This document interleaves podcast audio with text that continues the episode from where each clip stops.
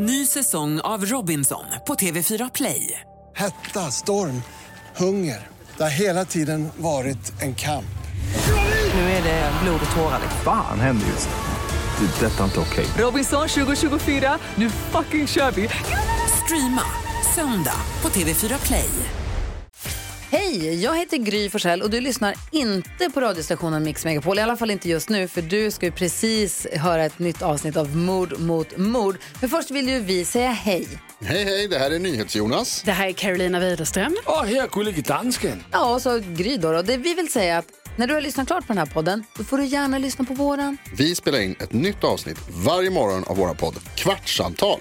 Och hela radioprogrammet blir ju också en podd om man är väldigt morgontrött eller så. Just det, om man missar morgonen ja. Men mest av allt så får du gärna lyssna på programmet i direktsändning varje morgon på Mix Megapol. Live varje morgon från klockan sex och då har vi med oss massor med vänner också. Thomas Bodström, Babben Larsson, Johan Pettersson, Christian Luuk.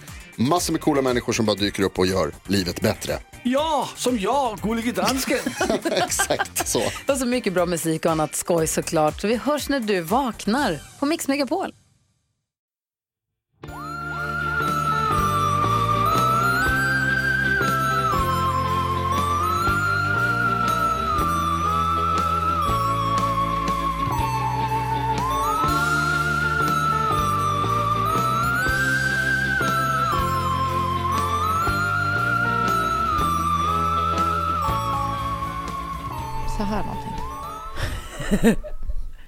Prata där. På min enorma hylla. Ja, du hade behövt ha större bröst. Fan, Jag är ledsen men jag tror du måste hålla den. det är bra. På din enorma hylla. Glad påsk! Glad påsk! När vi Fast det här släpper- är ju efter det. påsk. När vi släpper det här har det gått två veckor. Så glad påsk i efterskott. Ja, snart pingst kanske. Glad pingst i förskott. Mm. Glad första maj. Men det, vi kan ju säga glad påsk till varandra. Vi kan det, jag har fått ett påskägg av dig. Ja. Du är för gullig. Äsch. Du är för gullig och låt ingen säga något annat. Nej. Andra säger att du inte är så gullig, jag håller inte med. Va? Vilka säger det? Vilka säger det? Ingen säger det. För att ingen vågar säga det till mig. Nej. För du vet vad som händer. Snyting. Snyting rakt på snoken. Jajamän. Gud vad jag aldrig har slagits. Men det är dags om någon är dum. Hur mår du? Jag mår bra. Det känns otroligt skönt att det är lite påskledighet som är på gång här tycker jag. Det känns helt sjukt tycker jag. Det känns faktiskt helt sjukt, men det känns helt sjukt bra. Det är kul att man liksom glömmer bort att man kan vara ledig. Alltså, jag känner mig typ, alltså jag har ju inte varit, nu, det är april nu. Ja. Och eh, jag har inte varit ledig sedan jul, vilket kanske inte låter så sjukt, men alltså det är ändå, Ja. Du har hunnit ha en hel karriär sedan dess. men typ. Nej men du har ju det. Nej, men och att jag var sjuk precis innan jag började på mitt nya jobb. Just det. Så det känns som att jag, den där julledigheten liksom försvann lite. Jag har ingen som helst, jo just det jag var borta. Det var inget. Du har varit borta. Ja jag har varit borta ja. Mm. Förlåt. Ganska mycket. Är det här någon slags roast eller? Kanske. Nej, men det är du värd. Jag fick Eh, nya semesterdagar nu och blev så himla glad. Just det, man får det nu ja. Jag får det i alla fall för att jag, Men jag tror att alla får det typ i april. va? Jag har alltid trott att det var för att jag blev anställd då. Nej, det är någonting med det kalenderåret. Konstigt. Ja, men det får ni fråga Skatteverket om. Eller vem det nu är. Eller vem det nu är som är semester, semesteransvarig. Ja. Semesterverket. Eh, så heter de ja. Ja. Jag ska ju ut och resa i Sverige imorgon. Det ska bli jätteroligt tycker jag. Berätta om din stora Sverigeresa, Nils Holgersson. Jag åker till Malmö och där blir jag hämtad med bil och åker till Kivik. Så det är inte superspännande. Men det ska ändå bli härligt. Man har ju en längtan till Skåne. Alltså jag har det alltid. Ja, jag har verkligen det. Jag har skaffat det ganska nyss. Mm. Men eh, jag och Marcus har en idé om att vi ska hyra ett hus i Skåne i sommar. Mm. Eh, Jag har en längtan till den skånska landsbygden. Men det är så fint i Skåne. Den skånska myllan. Mm. Japp, Det är fantastiskt. så får det bli. Våren har alltid kommit lite längre där. De vet hur man lever. Mm. Jag var i Göteborg i helgen. Just det. Där var det vår i luften, Mm. samt rent mentalt, kanske mest egentligen. Mest på att det var ett gott... eh, Mest mental vår. På något sätt var det väl någon slags mental höst skulle jag säga, för det var en riktigt dum helg. Eh, eller fredagskvällen var riktigt, eh, ja men du vet så, den typen av utekväll som man aldrig har längre typ, ut, men som man hade när man kanske var liksom en väldigt tydlig del av ett gäng när man var yngre. Ja, Så hade jag med mitt gamla gäng, för vi var nere och firade eh, Fanny, min bästis som eh, fyllde 30 för ett par månader sedan. Mm. Och så var det liksom att vi bara, det var, du vet en sån anything goes kväll. Gud vad härligt. När man bara är så jävla brötig och gormar och skriker och alla kul. bara, du vet att någon bara, ja det är klart att jag tar med mig det här vinglaset från den här bara, alltså det liksom är, Ja. det bara pågår någon slags galenskap ett Jag älskar sådana Alltså det kvällar. var jätteroligt. Det var länge sedan jag hade en faktiskt. Så nu har jag tyvärr flyttat hem till Göteborg. Okej. Eh, men jag lämnar en mick här till dig. Och sen så kan vi ha varsin podd på varsitt håll som, vi, som jag sen klipper ihop. Okej, Vad tycker du om det det? låter jättebra. På tal om podd. Mm. Jag har hittat en podd som är exakt det jag efterlyste. Jag såg det på din sedan. Instagram. Som är eh, This is love, Mm. heter den. Mm. Det är hon som har Criminal, som har den. Okej. Så det är liksom samma upplägg typ. Det är så här 25 minuter långa avsnitt typ och sen så är det men en historia som på typ ett eller annat sätt handlar om kärlek kan man väl säga. Det Okej. är inte det att det typ är så här att alla är så här, ja ah, men typ så här träffar jag min partner. Det är verkligen inte det utan det är så här, nu lyssnar jag på en som handlar om eh, en kille som eh, kom från Laos Mhm. eh, och han och hans eh, eh, syrra Hans föräldrar typ hjälpte dem att komma dit få börja, komma till USA Okej. och börja plugga där typ. Att de sen så här, ja men om deras liksom enorma kärlek till sina föräldrar och att de gjorde så himla mycket för att göra dem, alltså du vet det liksom är många olika takes på kärlek. En var en av de första kvinnliga eh, svarta kvinnorna som fick en liksom så romance novel Mhm. publicerad. Så handlar det bland annat om typ så hur hon skriver sexscener. Men, ja, men äh, jätte Kul. trevlig. Gud vad kul. Alltså det är verkligen så här goda historier. Det var exakt det jag ville ha. Gud vad nice. Och att det var kul för att min kompis Elin, Mm. Som lyssnar på den här podden, hej Elin. ehm, hon tipsade om den podden, för vi släppte avsnittet, det är onsdag idag, så vi släppte avsnittet idag när jag pratade om det. Mm. Och eh, hon bara, du måste lyssna på den här podden. Och så hade jag börjat lyssna på den igår. Jag blev så himla glad av dem som verkligen fattade vad jag menade. Ja, perfekt. Även fast jag inte fått några nya tips så blev jag ändå jätteglad för det. Gud vad härligt. Någon annan tipsade om Mystery Show, heter den väl? Som är också en otrolig podd som det bara kommer en säsong av till min stora sorg. Exakt sånt vill jag ha. Den kan jag verkligen tipsa om. Ja. Mystery Show. Eh, Eller Mystery Podd. Mystery Show. Det Mm. låter rimligt. Det låter rimligt. Podd.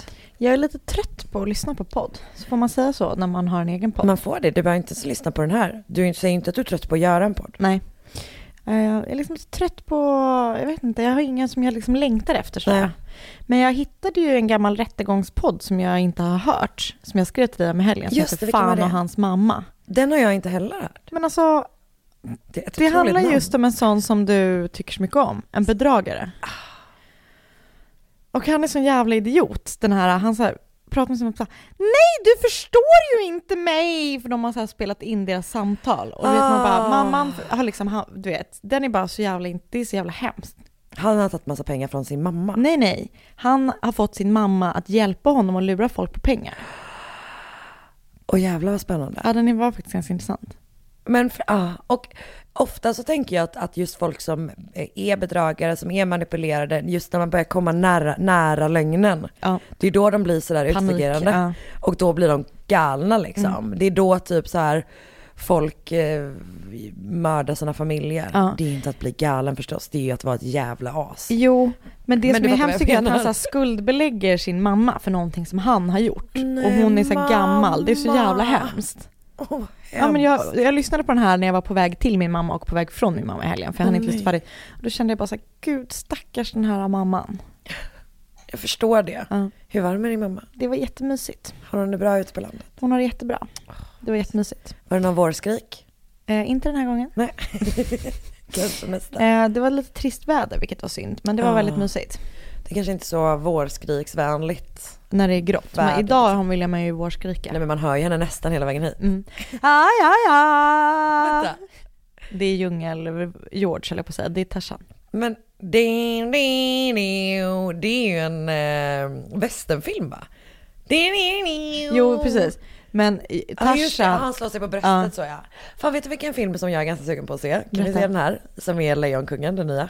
Alltså jättegärna. Kan vi göra det? Ja. Kan vi ha en dejt? Ja, gärna. Bra. Det var något annat jag tänkte om vi skulle titta på ihop. Jo, den Ted Bundy-filmen som kommer. Ja. Eh, för att även om, eller jag ska, jag ska tala för mig själv, jag är inte aspepp på att se den. Nej, men jag heller. vill ändå se den. Japp, och japp. jag tänker att vi gör det ihop. Ja, för då blir det roligt. Exakt. Och då kan vi hålla varandra i handen när det är vidrigt. Ja. Jag är ju inte heller jättepeppad och det är jättemycket för att jag typ har sett trailersarna och är så här. Mm. Nej men jag orkar, jag orkar typ inte med den här diskofieringen Nej. av, av... Men han är stört lik. Ja, ja han är faktiskt det. Jag tycker faktiskt det. Ja, Men, eh, ja, men jag tycker ändå vi ser den ihop. jag håller helt med. Kommer du ihåg när vi skulle gå och se Skönheten och odjuret, den otecknade? Just det. Och vi hamnade i fel biograf. För att två biografer bredvid varandra hade filmen med typ 10 minuters mellanrum. Och jag hade frågat dig när jag köpte biljetterna, vill du se den i 3D eller inte? Och vi bara, inte 3D. Och sen så när vi kom för att hämta, och du vet skulle så här, Ja. ni har inga 3D-glasögon. Nej okej, ja men då går vi och köper det. Och sen så när vi satt där så bara, det här är fel biograf. Varför är vi så medgörliga? alltså det är ju mörkt. Det, men och för jag vet om att jag är ju sån. Att jag bara, Och ah, jag är ju inte sån. Nej för jag har så himla lätt att anpassa mig och Marcus är ju likadan, det är därför vi inte haft en taklampa i köket på typ ett halvår, ett år. Eh, mer än ett år. Mm. Nu har vi det. Men just för att jag har så himla, vi har så lätt att anpassa oss bara, nu är det så här. Men du är en sån som säger ifrån. Jag är ju verkligen det. Jag vill inte ha lite för mycket. Hade den börjat tio minuter tidigare kanske? Det var andra. säkert någonting sånt. För att vi pratade precis innan vi började spela in om när, när jag och Marcus var med om en inställd flight och att vi hamnade, vi var så, vi är så lite, vi är så okrigiga. Ja. Så att vi liksom, att de började typ serva helt andra flighter innan vi hann fram till kassan. För att vi De bara typ bjöd för in folk som inte skulle vara på flighten. Ja, ja, ja. och gud, ert ja. ställe. Ja, verkligen. Nej, Medan men, du eh, är ju en sån som säger ifrån. Jag vet, och ibland kanske lite för mycket. Men jag vet inte, jag blev... Jag kan, Kan, vet du tillfällen när du har sagt ifrån för mycket? nej, jag vet inte, men jag tänkte, för jag, vi- jag hade ju fått ett sånt här presentkort för på att gå och äta brunch. Ja. Eh, som, jag vill aldrig ha en sån present igen. För jag tyckte det var ganska tråkigt, men jag fick den av min pappa. Som någon ganska ganska panikartad present som han har väl plockat upp på ICA typ i kassan. Ja. Det var gulligt. Ehm, Gud vad du inte tyckte det var gulligt. nej men så skulle vi gå och min mamma, han köpte ett sånt till mig och ett till min mamma. Ja. Så, och då fick man ta med sig en, en vän. Så att jag, min mamma, min mormor och Oskar, min kille, vi, vi fyra skulle gå på det här. Ja. Och det var egentligen bara giltigt i ett år, men då mejlade jag kundtjänst och var så hej jag skulle vilja att ni förlänger ett år. Så hon bara, ja inga problem Oj, kan man göra så? Eller inte förlänga ett år, men förlänger. Kan man göra det? Det kostar egentligen pengar, men hon var schysst. Eh, men så när vi kommer till brunchen, för då skulle man få ett glas bubbel och gratis brunch. Och jag får, alltså jag får skamsköljningar redan Alltså nu. jag hade redan skamsköljningar och sen förstår du hur det intensifierades när hon säger ditt presentkort är inte giltigt. Jag bara, jo det är det visst det. Eh, ju- då- det. Jag sa inte för jag prata med din chef, men det var typ, Det var insin, insinuerat. för jag, var, för jag hade pratat med hovmästaren eh, tidigare och det var liksom inga, du vet så här. Ja, men, Jag har pratat med hovmästaren. nej, men sen så kom hon tillbaka och bara, det är inga problem. Så, då sa jag typ, eller jag sa ingenting då heller, men min, min min var typ så här, "Mm, visste väl det. Så riktigt störig. Och vet du vad? Du kommer bara bli störigare med sånt. Jag vet. Ju äldre du blir. Jag vet, jag vet, jag vet. Hur, men din mamma är inte så så mycket, eller? Både och. Jo, Ja, hon är ganska hon kan plocka fram det. Ja. Eh, Jag har ju, men jag är ju tvärtom. Jag är en sån jävla mes, men det vet du ju. Men du, du, du får eh, ta lite av min då. Ja, ja, nej men Min verkligen. bråkanda. Nej men för att jag tycker, alltså att jag hellre lägger mig så jävla platt och låter alla trampa på mig. Gud vad mörkt det blev. Det var inte så, det var en överdrift. Det här är verkligen inga liksom farliga saker. Nej. Men jag lägger mig platt eh, om det betyder att det kommer vara bättre Jobbigt. stämning.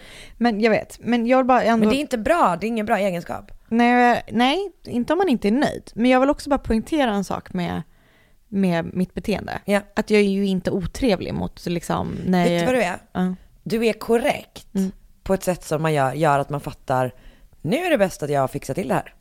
Ja, fast jag tycker att jag kan vara ganska trevlig också. Jag är Jo, men inte du är hotfull. liksom- nej, nej, du är inte hotfull. Nu börjar vi podda Ja, eller? ja, nu börjar vi podda. Ny säsong av Robinson på TV4 Play. Hetta, storm, hunger. Det har hela tiden varit en kamp. Nu är det blod och tårar. liksom. Fan händer just nu. Det. är Detta är inte okej. Robinson 2024, nu fucking kör vi! Streama söndag på TV4 Play. Ett poddtips från Podplay. I fallen jag aldrig glömmer djupdyker Hasse Aro i arbetet bakom några av Sveriges mest uppseendeväckande brottsutredningar. Går vi in med hemlig telefonavlyssning och, och då upplever vi att vi får en total förändring av hans beteende. Vad är det som händer nu? Vem är det som läcker? Och så säger han att jag är kriminell, jag har varit kriminell i hela mitt liv men att mörda ett barn, där går min gräns. Nya säsongen av Fallen jag aldrig glömmer på Podplay.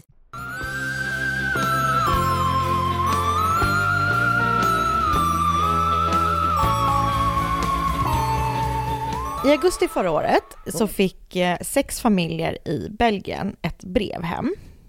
Sex familjer i Belgien får varsitt brev hem. Ja. Ja. Breven var från en person som hade förstört deras liv kan man säga. Fyra av familjerna hade förlorat sina döttrar och i två av familjerna hade deras döttrar blivit utsatta för det typ absolut värsta man kan tänka sig. Mannen som hade skickat breven var Marc Dutroux. Dutroux. Dutroux. Du, det är lite olika, jag tror att det är Dutroux. Ska det göra? Ja.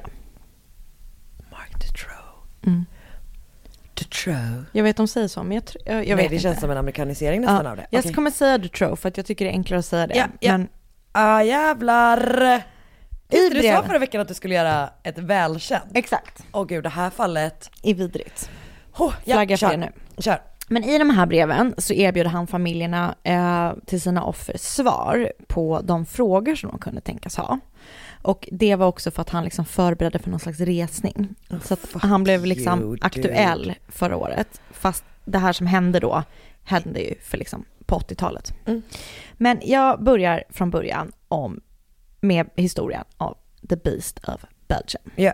Marc Dutroux. 1956 så föddes han i en stad utanför Bryssel som jag inte kan uttala så därför har jag inte ens skrivit upp namnet. Han var äldst av fem syskon och när han bara var några månader så flyttade eh, han med sina föräldrar som båda två var lärare till Kongo-Kinshasa. De flyttade hem igen när han var fyra år gammal och när han var 15 år gammal, alltså 1971, så skilde sig hans föräldrar. Eh, det, det, det jag har hört är att hans, ehm, eh, alltså inte hörsägen, eller ja det är det ju, men det är poddar som jag har lyssnat på, Mm. eh, så var hans föräldrar inte schyssta. Hans pappa var jättesträng och hans mamma var superdominant, sådär klassiskt liksom som man hör ju om många eh, serieförbrytare, mö- mördare. Så att han levde upp ett ganska så här känslokallt hem. Ehm, och eh, under, eller efter föräldrarnas skilsmässa, när han bara var så här 15-16 år, så hamnade han på glid och han började med liksom sälja sig själv. Eh, för han träffade då någon man, du vet, som så här äldre man som han ehm, ja, sålde sex till. Och han började missbruka droger, han började sälja droger och smugglade liksom vad, han, vad det nu var han smugglade, med Ja. saker, jag vet inte, sprit kanske eller eh, och stölder och sådär. Ehm, och när han var 19 år, så väldigt, alltså fortfarande väldigt ung, så träffade han en tjej som eh, han gifte sig med. Det här äktenskapet var dåligt och höll bara i några år. Paret skilde sig 1983 eh, och de skilde sig när Mark satt i fängelse för någon, någonting som han hade gjort. Eh, Det känns som att han hade hunnit göra en hel Mycket. jävla del redan. Exakt. Ja. Ehm, och det här, deras äktenskap resulterade i två barn innan han skilde sig. Ehm, och han satt i fängelse i två år eh, och sen kom ut 1985. Och då träffade han en annan kvinna. En kvinna vid namn Michelle Martin. Och eh, Michelle var då allting som Mark hade letat i, efter i en kvinna. Gud, intressant att veta vad det var. Mm. Du kommer bli varse. Mm. De kommer också få tre barn tillsammans. Många barn. Många barn, ja. Efter att Mark hade kommit ut ur fängelset så började han utbilda sig som elektriker. Eh, men han fick inga jobb eftersom han hade ett kriminellt förflutet. Och det ledde ju då till att han fortsatte med liksom, ja, ganska småskaliga brott, typ som stöld och sådana där grejer. Mm. Men 1989 så eh, åkte han fast och dömdes då för fem sexuella övergrepp och bortföranden av kvinnor. För det så fick han 13 år i fängelse. Okej. Ehm, Men han hade inte mördat dem? nej, Utan han hade typ tatt, satt, ja, kört iväg med dem, våldtagit dem? exakt. Mm, Okej. Ehm, så han fick 13 år i fängelse, men efter bara tre år så fick han komma ut efter att han hade skött sig så bra. Tre? Nej nej. Mm. Vänta, han fick 13 år och Mm. satt tre? Mm. Men det är ju helt sjukt. Eller fem. Det har varit olika, men, lite. kort tid liksom. Jävlar vad sjukt. Och de skulle ju då såklart inte ha släppt ut honom, typ någonsin. För direkt när han kom ut eh, så började han då med en massa skit igen. Eh, för när han kom ut ur fängelse så tog han med sig familjen och flyttade till en stad som heter Charleroi. Charleroi. Charleroi. Charleroi. eh, då har jag ändå läst franska. Ehm, och den här staden då eh, var ökänd för eh, hög arbetslöshet och hög kriminalitet. Mm. Så toppenställe. Ett ställe att uppfostra en familj. Verkligen. Mm. Eh, så när de väl hamnade där så var det liksom inte mer naturligt att han fortsatte på sin brottsliga bana med droghandel, smuggling och att stjäla bilar även här. Och eh, han hade också lyckats övertala en psykiatriker när han kom ut ur finkan att han inte var liksom kapabel att arbeta. Så att han gjorde de här brotten och eh, gick på socialbidrag. Aha. Smart. Bra Eller hur? upplägg. Mm. Så bra upplägg. Men så en dag, eh, den 24 juni 1995, när Mark hade varit ute ur fängelset i tre år, så försvann två stycken åttaåriga flickor som var ute och lekte. Och det var Julie Lejeune och Melissa Rousseau. Och de brukade vara ute och leka liksom. Eh, så det var inget konstigt med det. Men de bara försvann helt spårlöst. Och tyvärr så verkade det inte som att polisen liksom gjorde sitt yttersta för att här, hitta dem igen. Utan det, liksom, det var lite lamslaget i polisjakten.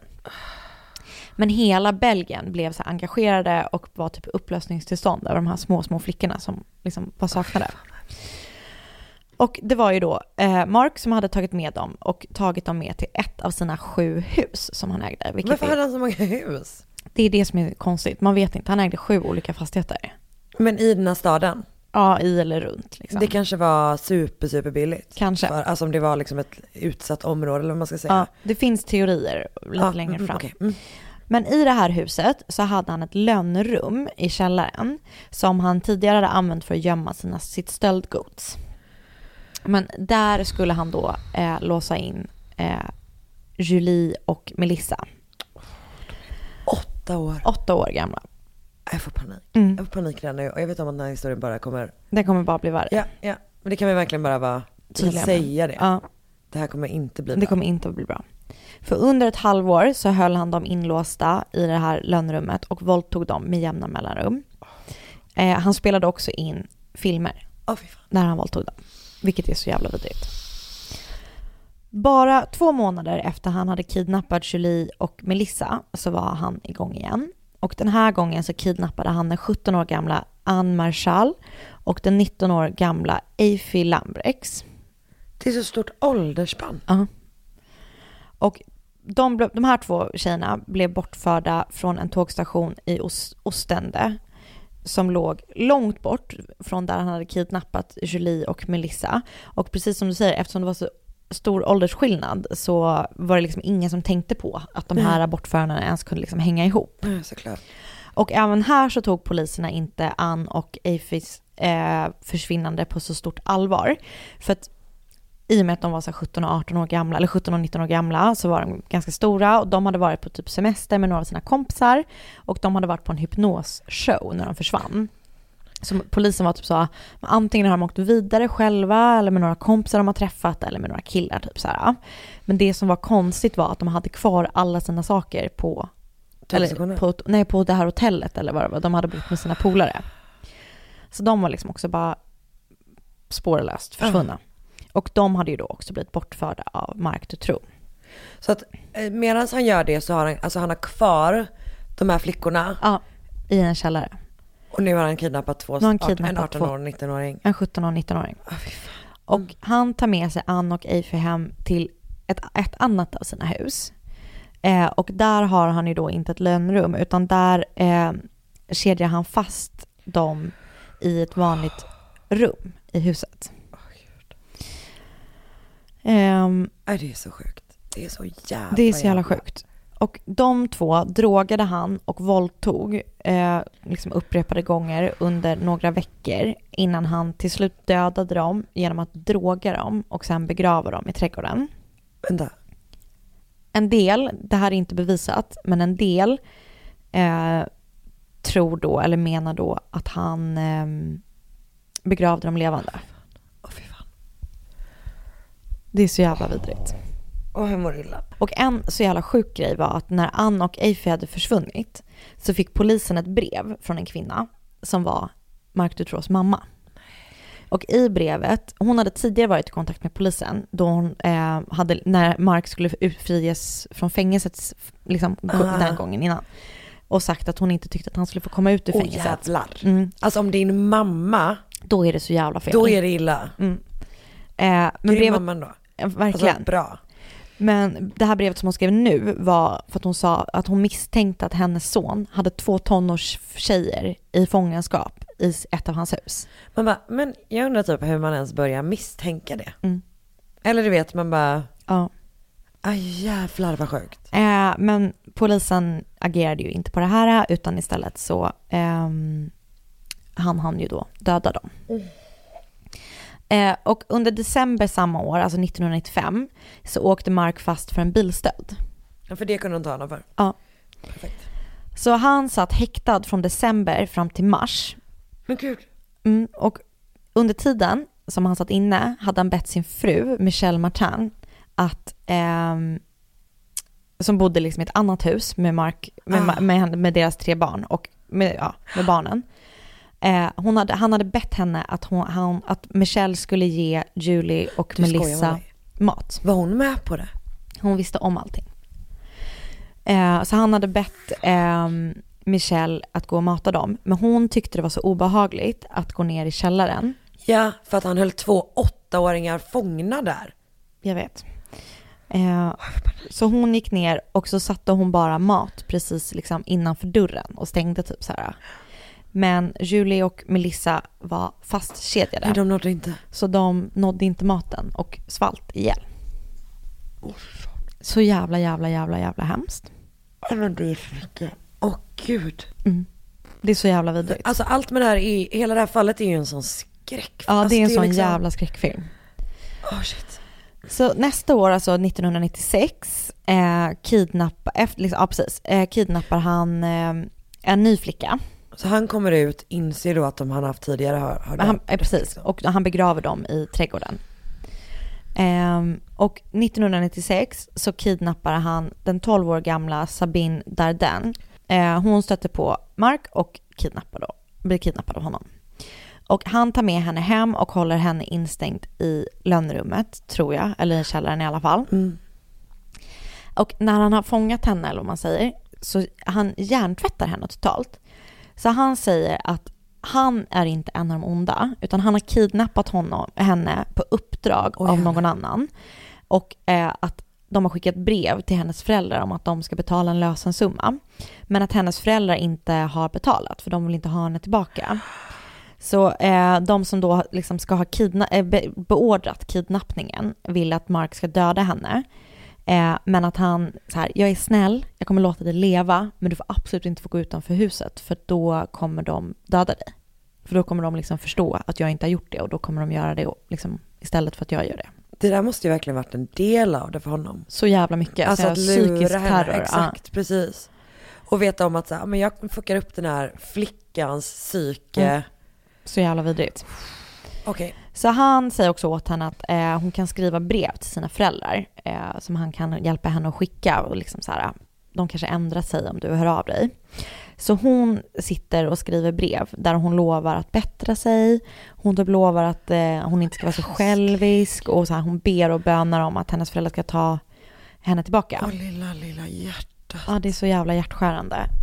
Men såklart så skickar han ju då aldrig iväg breven, utan han läser dem och slänger breven. Och sen så låter han Sabine tro att eh, hennes föräldrar liksom inte vill ha någonting med henne att göra och att han är hennes räddare i nöden. Och under tiden som han har henne fången så våldtar ju han henne också, som han har gjort med sina tidigare offer. Och eh, det är så jävla hemskt för hon för dagbok på något vis under tiden när hon är eh, tillfångatagen. Och markerar ett kryss för varje gång han våldtar henne. Eh, så när hon suttit fängslad i 80 dagar så frågar Mark om eh, hon vill ha sällskap av en vän. Och Sabine tror då att han menar att, så här, att, att Mark ska låta hennes vänner komma och hälsa på henne. Och så hon bara, ja, jättegärna liksom. Ehm, men i själva verket så planerar han då att kidnappa ännu en flicka. Ehm, så det gör han och den 9 augusti 1996 kidnappar han den fem, fem, 14 år gamla Letizia Delhes när hon är på väg hem från en simhall och sätter då henne tillsammans med Sabine. Och Dutroux hade en annan medhjälpare, en, en, annan, liksom en ytterligare en, utöver sin fru. Okej. Eh, som hette Michel Le- Lelevre, typ. Är det en snubbe? En kille. Mm. Eh, som, han var med och kidnappade Letizia. Och man tror att han också var med och rövade bort Ann och Eiffy. Så då var han liksom inte ensam. Men när Letizia försvann så började polisen att utreda hennes försvinnande. Och ett vittne som hade sett bilen som Letizia försvann i eh, hörde av sig till polisen. Eh, och vittnet kom också ihåg delar av bilens registreringsnummer. Så efter lite hedligt så här, polisarbete, vet, sökte Mm. och grejer, eh, så kopplade man ihop bilen med Marc Dutroux. Eh, så den 13 augusti så grips Marc Dutroux, hans fru Michelle och hans medhjälpare Michelle. Mm. Och eh, polisen gör då en husrannsakan i Marks hus utan att hitta någonting. Och efter två, eller i två dagar eh, så försöker polisen liksom knäcka dem, både Dutroux, Michelle och Michelle, när de till slut erkänner brotten. Och då vet de inte ens att han har tagit Sabine, utan de misstänker bara honom för Letizia. Men då erkänner han så han bara, ja, ah, jag har inte bara henne, jag har också en till. Så de erkänner och polisen går tillbaka till huset och då vet de ju att de ska leta efter det här lönnrummet. Så då hittar de eh, tjejerna. Så de, Sabine och Letizia hittas vid liv i lönnrummet och kan då föras till säkerhet. Men eftersom både Sabine och Letizia hade blivit hjärntvättade av Mark så var de liksom, de hade, var sånt Stockholmssyndrom. Ja, ja. Så de ville typ inte lämna källaren. Eh, utan de ville, som jag tror att det var så här att Mark Dutroux fick komma dit Nej. och säga så här, det är okej, kom ut liksom, ni får komma ut. Och då ska de typ ha kramat honom och du vet, som att han verkligen var typ deras savior. Så jävla sjukt. Ja, det är så jävla hemskt. Alltså det är så läskigt vad man kan typ göra med någons Ja. helt Alltså- vanliga flickor typ. Ja. Bara bli så extremt hjärntvättade. Exakt. Ja, det är så obehagligt. Ehm, och de fortsätter, polisen fortsätter ju då att ehm, söka igenom huset. Mm. och liksom all, eller alla hans hus. Och ehm, då hittar de då de andra kropparna till de andra tjejerna i, begravda i trädgården. Och de hittar även eh, en kropp som tillhörde en man vid namn Bernard Wein- Weinstein, Weinstein. Eh, som troligen var en av Marks andra medhjälpare som han har dödat. Och fallet blir så sjukt uppmärksammat i media. Och eh, eftersom polisen har begått så sjukt många missar i utredningen mot Mark, de har liksom inte följt upp saker och du vet, de har liksom bara sjabblat som fan. Mm.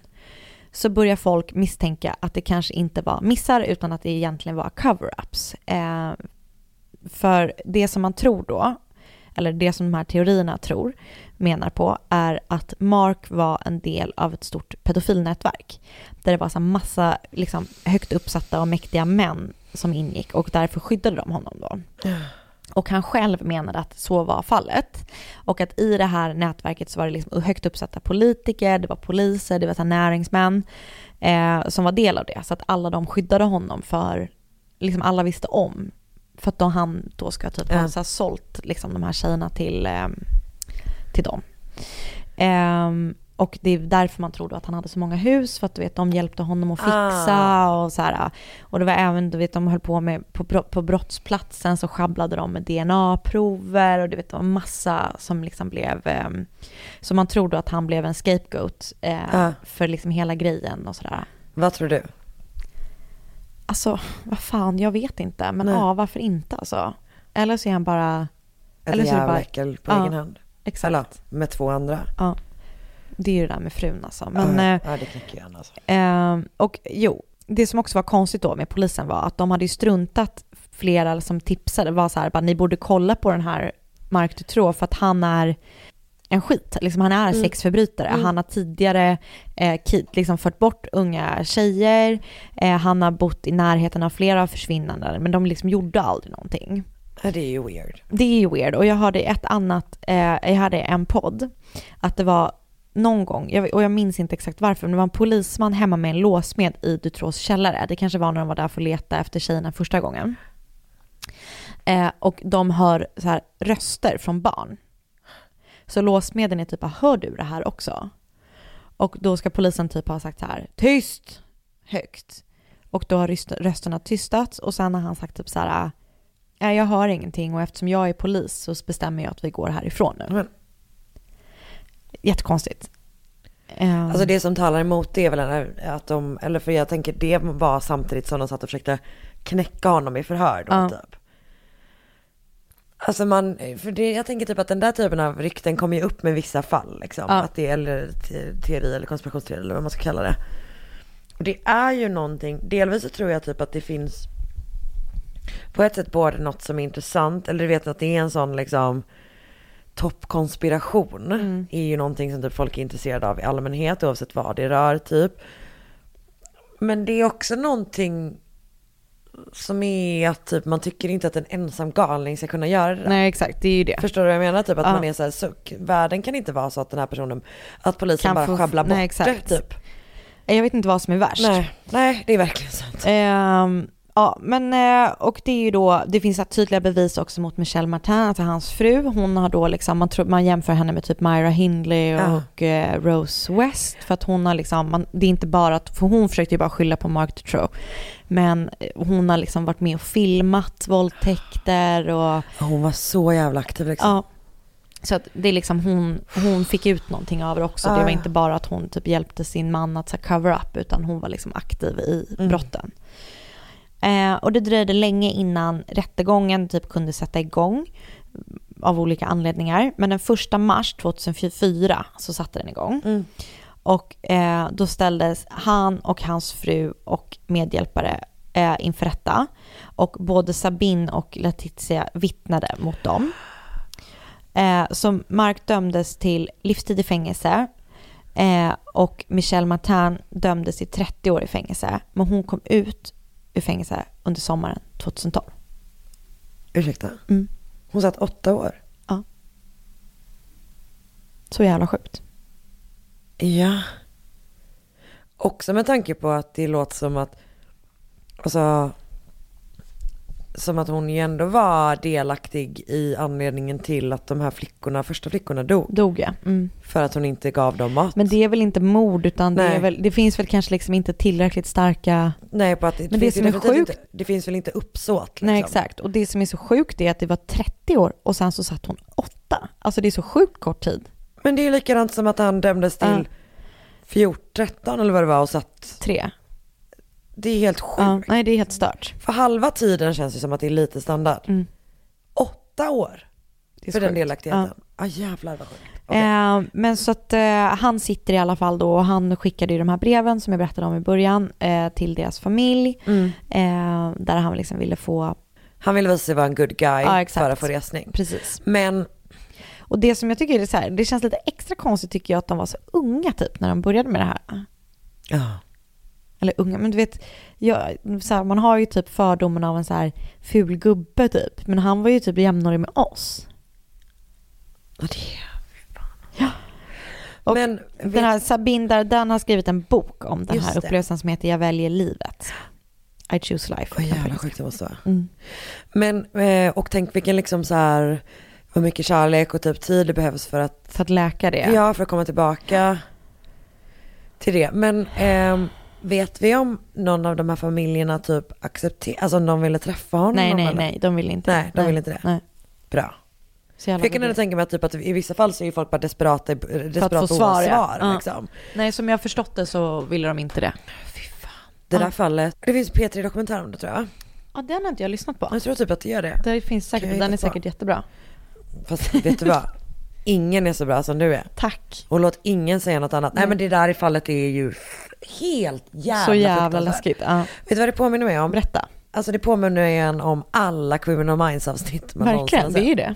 Har någon berättat om mitt värsta Criminal Minds avsnitt? Jag vet inte. Det är när tre tjejer kidnappas, stängs in i liksom någon slags källare. Än så länge är det lite påminner mig om Mm. det här.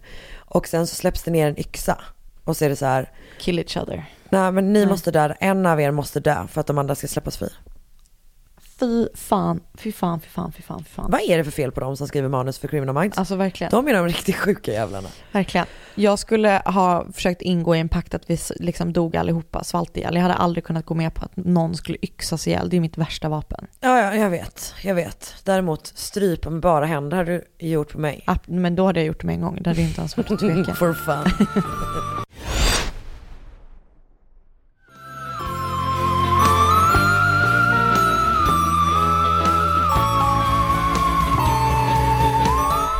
Ja du Anna. Ny säsong av Robinson på TV4 Play. Hetta, storm, hunger. Det har hela tiden varit en kamp. Nu är det blod och tårar. Fan händer just nu. Det. är Detta är inte okej. Robinson 2024, nu fucking kör vi! Streama söndag på TV4 Play. Ett poddtips från Podplay. I fallen jag aldrig glömmer djupdyker Hasse Aro i arbetet bakom några av Sveriges mest uppseendeväckande brottsutredningar. Går vi in med hemlig telefonavlyssning och, och då upplever vi att vi får en total förändring av hans beteende. Vad är det som händer nu? Vem är det som läcker? Och så säger han att jag är kriminell, jag har varit kriminell i hela mitt liv men att mörda ett barn, där går min gräns. Nya säsongen av Fallen jag aldrig glömmer på Podplay. Ja du Karin. Vänta, jag måste knyt, krypa ner. Jag måste krypa till kojs. Bra. Ehm, finns lite likheter mellan våra fall. Jaså? Men inte, ehm, alltså vissa, ja du kommer fatta. Nu när jag tänker efter kanske du inte alls kommer fatta för att de är inte supertydliga. Men det finns Ah, några. Till exempel att de är europeiska. För Volker Eckert, Volker. Om det är en tysk, tror du han heter Folker eller Volker? Är det ett V? Jag tror att det är, han heter Folker. Folker Eckert föddes eh, 1 juli 59 i staden Plauen, som då låg i Östtyskland. Eh, järnridån var nere har jag skrivit här. Det är bra. Starkt ord. Vilken jävla nörd. Eh, som barn blev då Folker förtjust, vi går rakt på. Folker blev förtjust i en docka som egentligen tillhörde hans syster Sabine. Och till slut... Var det eh, den andra likheten? Ja, exakt. Men Sabina, det är mest att hon är supplier of the doll, kan man säga. Mm. I den här historien. Han, han blev väldigt förtjust i den här dockan, så till slut var det typ som att det var hans. Ja. Och han älskar den här dockan. Än så länge, inget fel med det. Ehm, men han börjar tycka om att klappa den här dockans hår väldigt mycket. Och en dag, när han är i 9-10 års åldern, så står han liksom på knä eh, vid eh, sängen och så har han dockan på sängen och så klappar han dockan. Och så börjar han liksom gnida sig mot madrassen. Tills Åh, han då får orgasm. Tidigt ändå eller? Verkligen. 9-10 år. Han kom tydligen in i puberteten väldigt tidigt, läste det på riktigt någonstans. Mm. Ehm, och han, eh, så han kommer liksom av det här. Och han gillar det så himla mycket så han då fortsätter med det här beteendet. Han blir besatt av att ta på dockans hår och sig själv samtidigt. Fan. Ganska kort efter det här hittar han dock nästa objekt eh, som han kan liksom lägga sin sexualitet på, som är en peruk på vinden som han hittar. Det är hans mamma, mammas peruk fast hon använder den inte längre. Eh, så att den blir liksom hans nya fokus för hans sexualitet. Så att han börjar liksom klappa, men han gör samma saker med Ja. den helt enkelt. Han klappar på håret. Undrar om han klappar peruken mot sin, sitt underliv. Det har jag inte hört någonting Nej. om. Eh, men kanske. Okej, fortsätt. Ehm, han börjar efter ett par år längta efter riktigt hår. Alltså, han är liksom 12-13 år gammal, han är jätteung. Så han sitter då i, liksom, i, i skolan, beskriver att han sitter i ett klassrum och du vet ser, ser sina klasskamraters hår. Och det enda han vill är liksom att gå fram och ta på det typ. Men han håller sig då. I perioder så är han så upptagen av den här fantasin att han inte kan liksom koncentrera sig på något annat. Mm. Han kan inte äta, han glöm- glömmer bort äta, han kan inte sova. Alltså det är liksom helt, helt uppfyllande typ. När Folke då är 13 så är, han då alltså i full färd med att fantisera om flick- flickors frisyrer. Ehm, då skiljer sig hans föräldrar och han tar det inte svinbra. Han, han hanterar ilskan och sorgen genom att stjäla sin mammas bil och försvinna i flera veckor. Oj. Till slut får polisen tag på honom efter en, liksom, en biljakt i hög fart med den här 13-åringen. Det är en helt absurd syn. Eh, han döms till ungdomsfängelse i 18 månader. Oj. Alltså det är ändå, han har stulit hans mamma, sin mammas bil. Är inte det en total överreaktion? Jo. Hur som helst. Eh, han kommer ut igen våren 74 och då upptäckte han till sin glädje att en flicka som han då varit helt besatt av innan han åkte in bor kvar i lägenheten som ligger bredvid hans familjs. Ja. Hon heter Silvia Unterdorfel och hon är 13 år gammal då. Mm. Så var hon typ två år yngre än honom tror jag. Två, ett, två år. Hur som helst. Och Folker hade då liksom sagt börjat fantisera om att röra vid just hennes hår eh, innan han åkte in. Men hon har liksom fått, ja men den här besattheten har liksom fastnat på henne ganska mycket.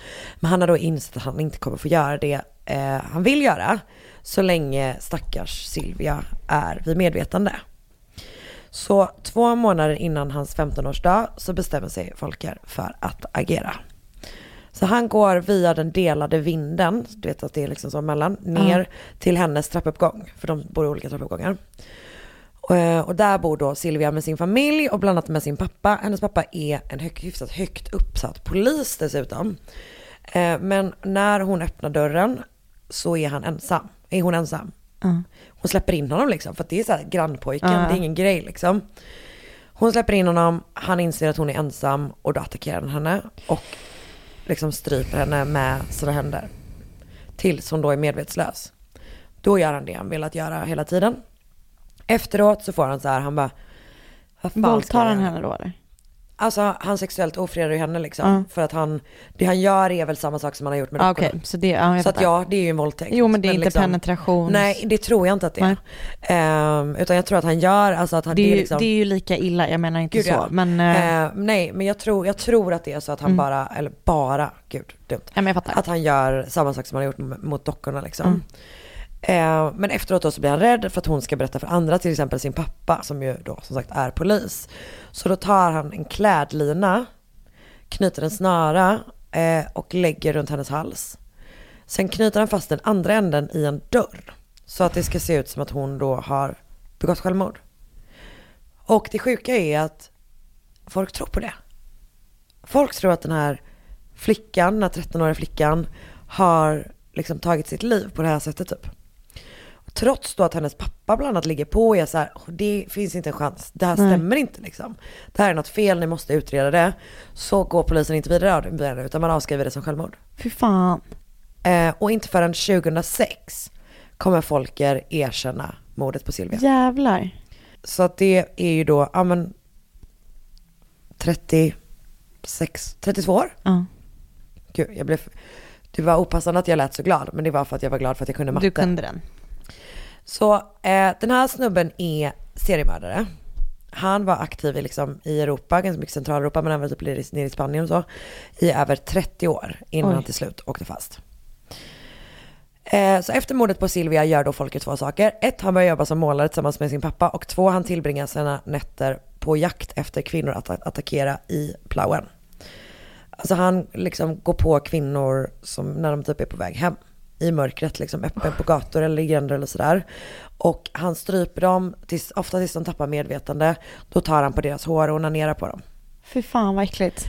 Eh, och jag hittar inte liksom hur många uppgifter om hur många offer det är just under den tiden. Men det är många liksom. 78 döms Folkert Eckert för att han har eh, strypt en, eller om det är två kvinnor på, just på det sättet, alltså han har gjort den grejen. Mm. Då döms han till två år och åtta månader. Men han släpps ut efter ett år. Shit. Och strax efter att han har kommit ut så dör båda hans föräldrar. Och tiden efter att hans föräldrar dör beskriver han som det, typ det bästa i sin, sitt liv. För att han då lyckas då trycka undan det här beteendet och istället ta hand om sina syskon typ. Ja, okej. Ehm, men så att han liksom lägger all sin tid tid och energi på att ta hand om sina småsyskon. Det är bara det att de blir då placerade hos en moster eller faster. Vilket ju också är superrimligt. Um, uppenbarligen är han inte en person som borde ha hand om någon. Nej. Men, eh, så de flyttar till en moster eller en faster och då börjar han igen.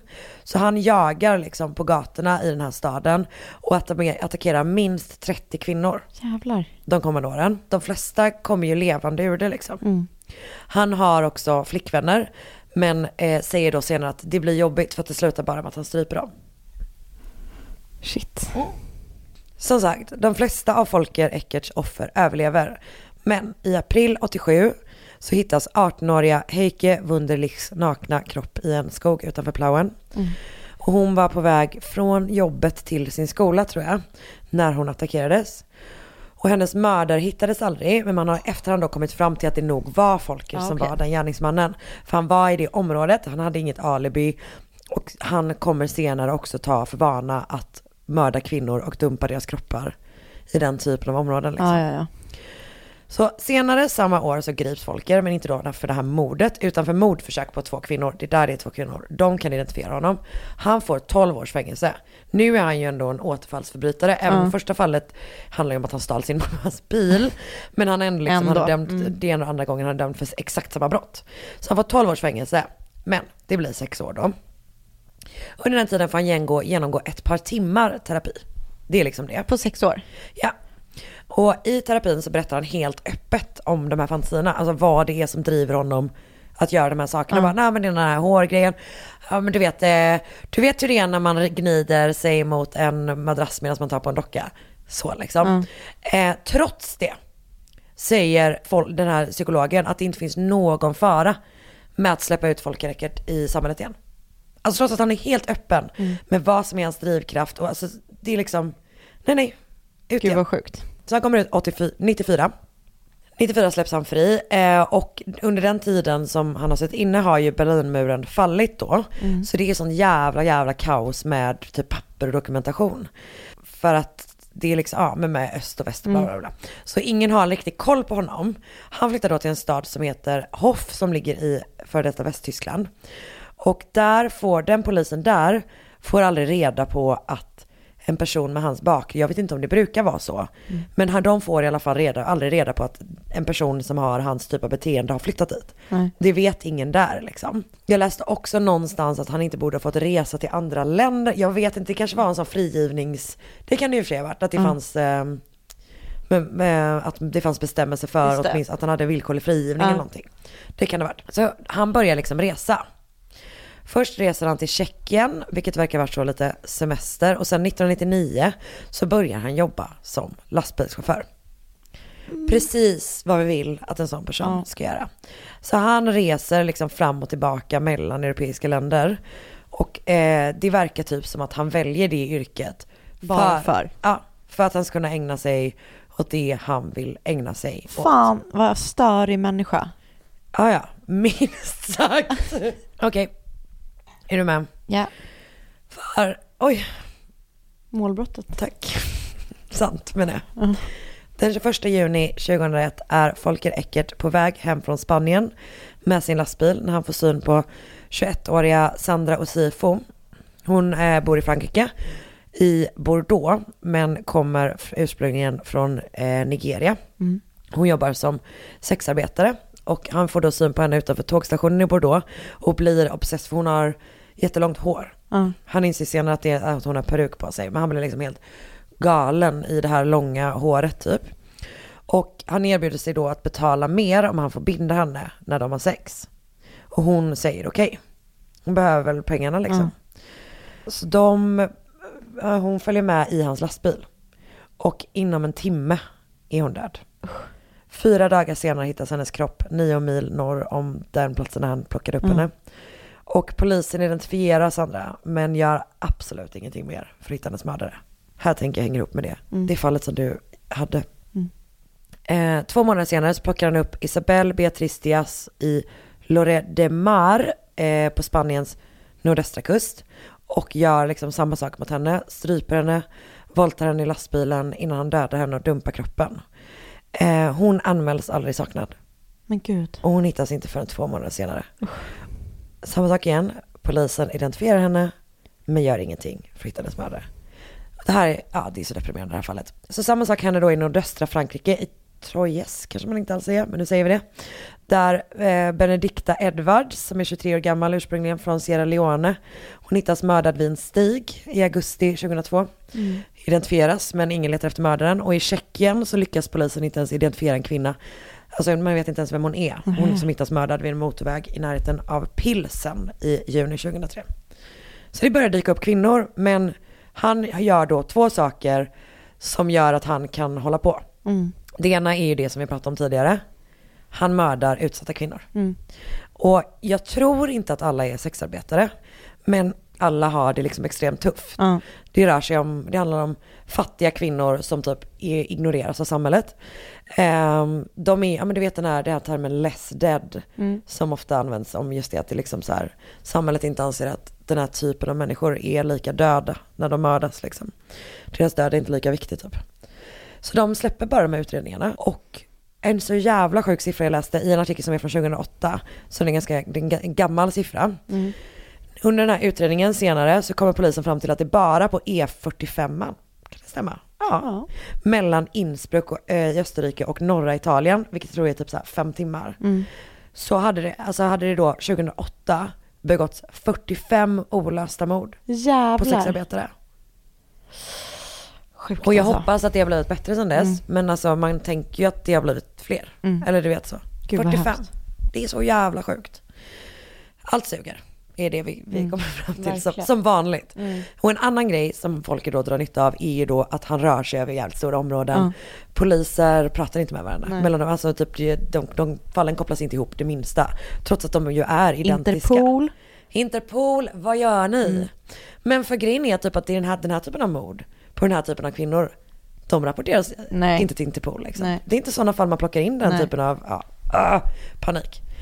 Eh, ja, så Folke Eckert kan då fortsätta mörda. I nordöstra Italien hittar man 25-åriga Ahiobe Gali. Hon är från Ghana men hittas i Resato den 5 september 2004. Ma- Mari Veselova från Ryssland hittas i Figueras nära Girona i februari 2005. Och i Reims i Frankrike hittas 28-åriga eh, Agneska Boss som ursprungligen kommer från Polen i oktober 2006. I november 2006 upptäcker man rumänska Miglena Petrova Rahim, 20 år gammal, vid en fotbollsstadion som också ligger nära Girona. Mm. Jag tror att hon var gravid när hon mördades. Nej. Och 20 år gammal. Fy fan. Ja, är det vidrigt. Men nu är vi i alla fall nästan klara. Ja. Eh, för den katalanska polisen börjar faktiskt utreda det här mordet på Miglena. Mm. Eh, och de verkar ändå jobba lite på det. Medan alla andra bara varit så här, oj, nu är hon är död, skitsamma. Så börjar de ändå jobba, jobba på det. Och senare kom också den tyska polisen, som det huvudfallet hamnar hos, säga typ att de katalanska poliserna är de enda som har varit intresserade. Mm. De är de enda som har skickat någon dit för att alltså, så här, förhöra honom. Liksom alla andra Gud. Ja. har liksom varit ganska Go osäkra. Catalan. Alltså verkligen. Eh, vet ni vad? Vi ger er er självständighet. There you go. verkligen. Eh, Okej. Så att de ser då att det finns en övervakningskamera som är på mot en fabrik. Mm. Som ligger eh, typ rakt över från den parkeringen. Hon hittades utanför fotbollsstadion. Typ. Ehm, och, men mitt emot så, den parkeringen hon hittades så finns det en fabrik. Det finns en övervakningskamera som filmar entrén Mhm. till den fabriken. Men de är så här, skitsamma vi typ, vi testar och ser om vi ser någonting liksom. Grejen är att den filmar verkligen vanligtvis ingenting av eh, parkeringen. Så de bara, fuck typ. Det är bara det, att det är en snubbe som kommit dit och fixat den. Mhm. Och när han har skruvat upp den så har den liksom skruvats iväg. Mhm. Så att den fångar upp bild från parkeringen. Gud vad sjukt. Eh, och de får då syn på en lastbil. Mm. Som står typ där var hon hittades. Mm. På lastbilen ser man liksom, alltså en logga, Mm. vems den är. Eh, de kan ta kontakt med ägaren till lastbilen, få reda på att bilen är i Tyskland, få tag på tyska polisen och till slut så grips då Folker Eckert utanför Köln. Jävlar vad sjukt. Jag vet, det är sån jävla chans bara. Så när han grips säger han då, jag tror att han först säger att han bara, jag har ingen aning om vad ni pratar om, jag vet inte vem den här kvinnan ni pratar om Nej. liksom. Men det han gör är att han ber polisen, han bara, jag har mediciner i min lastbil som jag verkligen behöver. Mhm. Kan ni snälla gå och hämta dem typ? Och när polisen kommer in i den här, eh, i förarsätet, liksom i förarhytten, så hittar de tre polaroidbilder på nakna kvinnor med, som stryps med snaror. Och sen hittar de beskrivningar av hur flera olika mord genomförts. Va? Och så hittar de rep. Så han måste ju verkligen ha sagt det för att han ville, Blir påkommen. ja för att bara nu får det vara bra liksom. I förhör så erkänner Folker Eckert sexmord, tror jag. Mm. Mm, och de jag nämnt tidigare är nog nio, tror jag. Ja, jag tror att han erkänner sexmord. Och det är de jag nämnt tidigare, förutom morden på Heike Wunderlich, ben Benedicta Edwards och den här oidentifierade kvinnan i Tjeckien. Men polisen kan se på hans kreditkort och på typ så här inför hans arbetsgivare och allting att han har varit i de områdena. Ah, ja, ja. Och det är exakt samma liksom MO. Han har betett sig exakt likadant. Man är övertygad om att det är han. I bilen hittar man också bevis på att han mördat ytterligare en kvinna i Frankrike i februari 2005 och två kvinnor i Tjeckien i mitten av 90-talet. Man vet fortfarande inte vilka de kvinnorna är. Nej. När de går in i hans lägenhet i Hoff är vi tillbaka i Criminal Minds. För inte nog om att man hittar mer bilder och vissa är liksom klippta ur tidningar, men många är hans offer. Och de har, är liksom nakna då med snaror runt sina halsar. Han har skrivit ner vad han har gjort med dem vid bilderna liksom. Alltså allting är dokumenterat. Vissa av dem har aldrig identifierats. Man hittar också då troféer. Förstås hittar man saker. Men man hittar ju Hår. också hår. Åh, äckligt. Okej, det här är nästan det värsta. För under sängen hittar man en uppblåsbar docka. Nej. Där han, alltså man liksom har dekorerats med troféer från hans offer. Fy fan vad läskigt. Och med hår.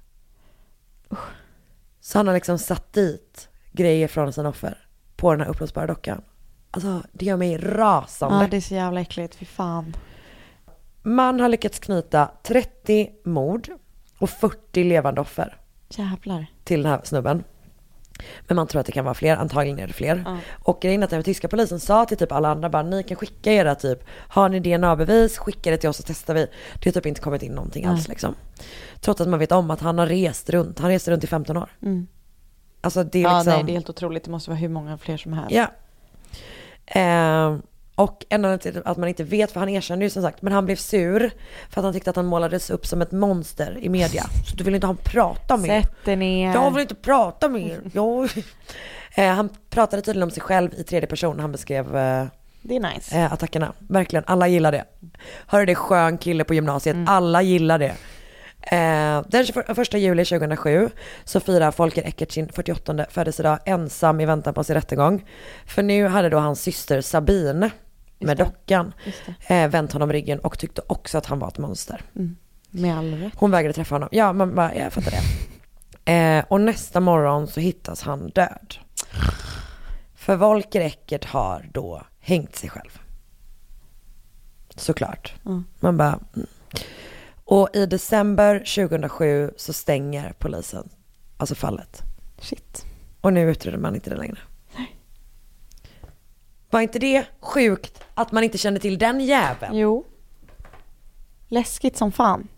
Äckligt det där med hår alltså. Ja. Alla, jag, jag tycker det är lite läskigt med alla fetischer. Man kanske inte får säga så.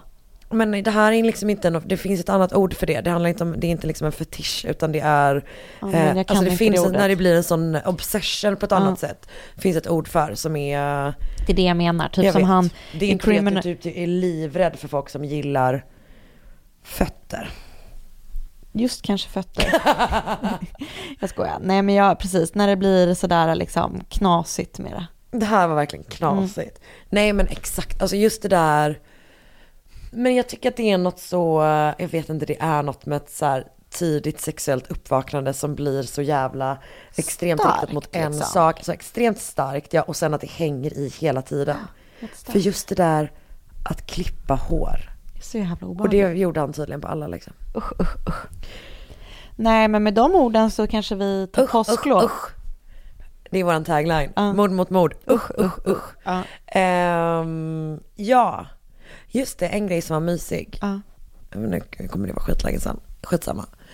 Eh, för två veckor sedan när vi släppte det här då, så pratade ju du och jag om olika systerpoddar vi skulle ha. Ja. Det kom in väldigt många förslag i Ja. vår Facebookgrupp. Om man inte pallar gå in och leta efter dem, eh, man kan nog söka på det på något sätt.